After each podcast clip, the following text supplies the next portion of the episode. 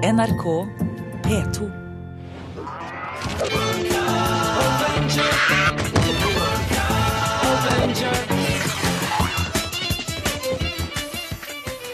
Ja, dette her det var lyden fra en ny animasjonsserie som skaper rabalder i Pakistan.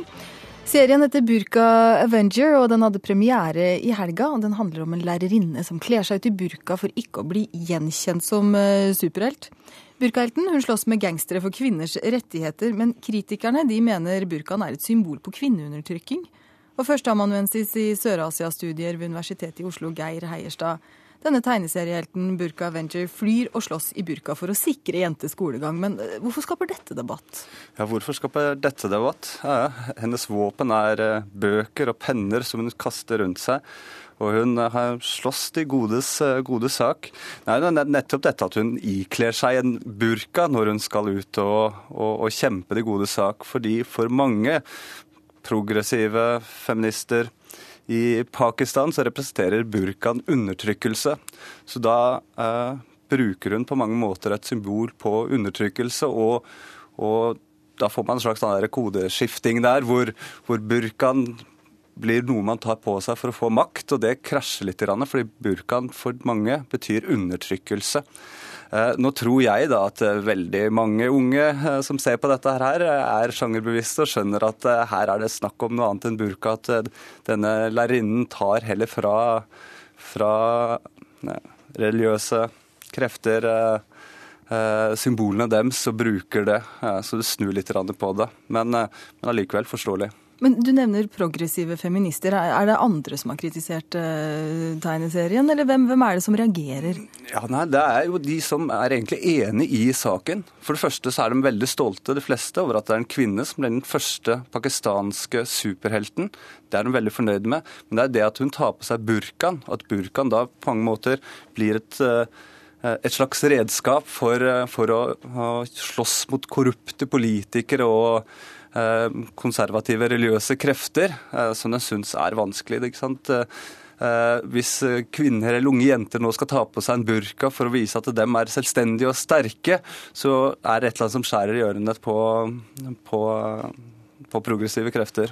Men, men, denne typen kritikk gjennom kulturuttrykk i et land, hvor, eller i dette landet, hvor uvanlig er det?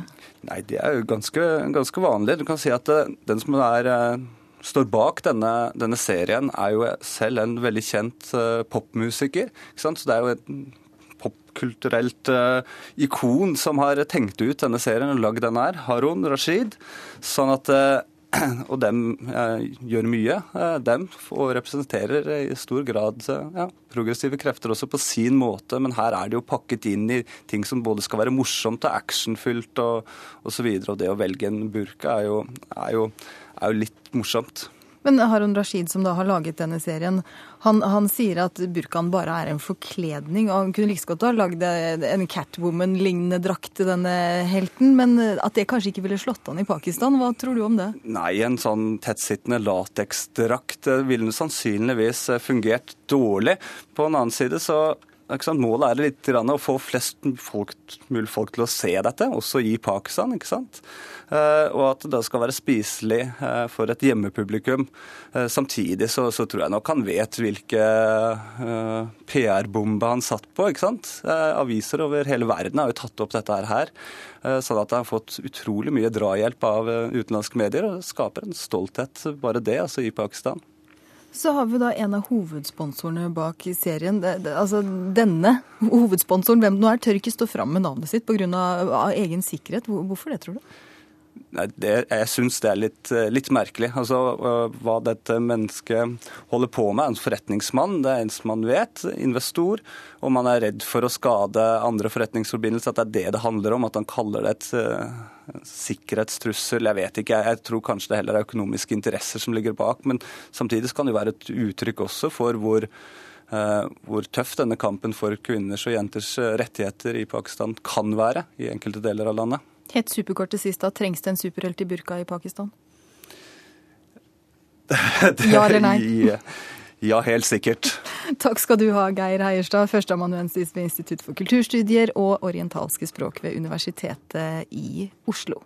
Hør flere podkaster på nrk.no podkast.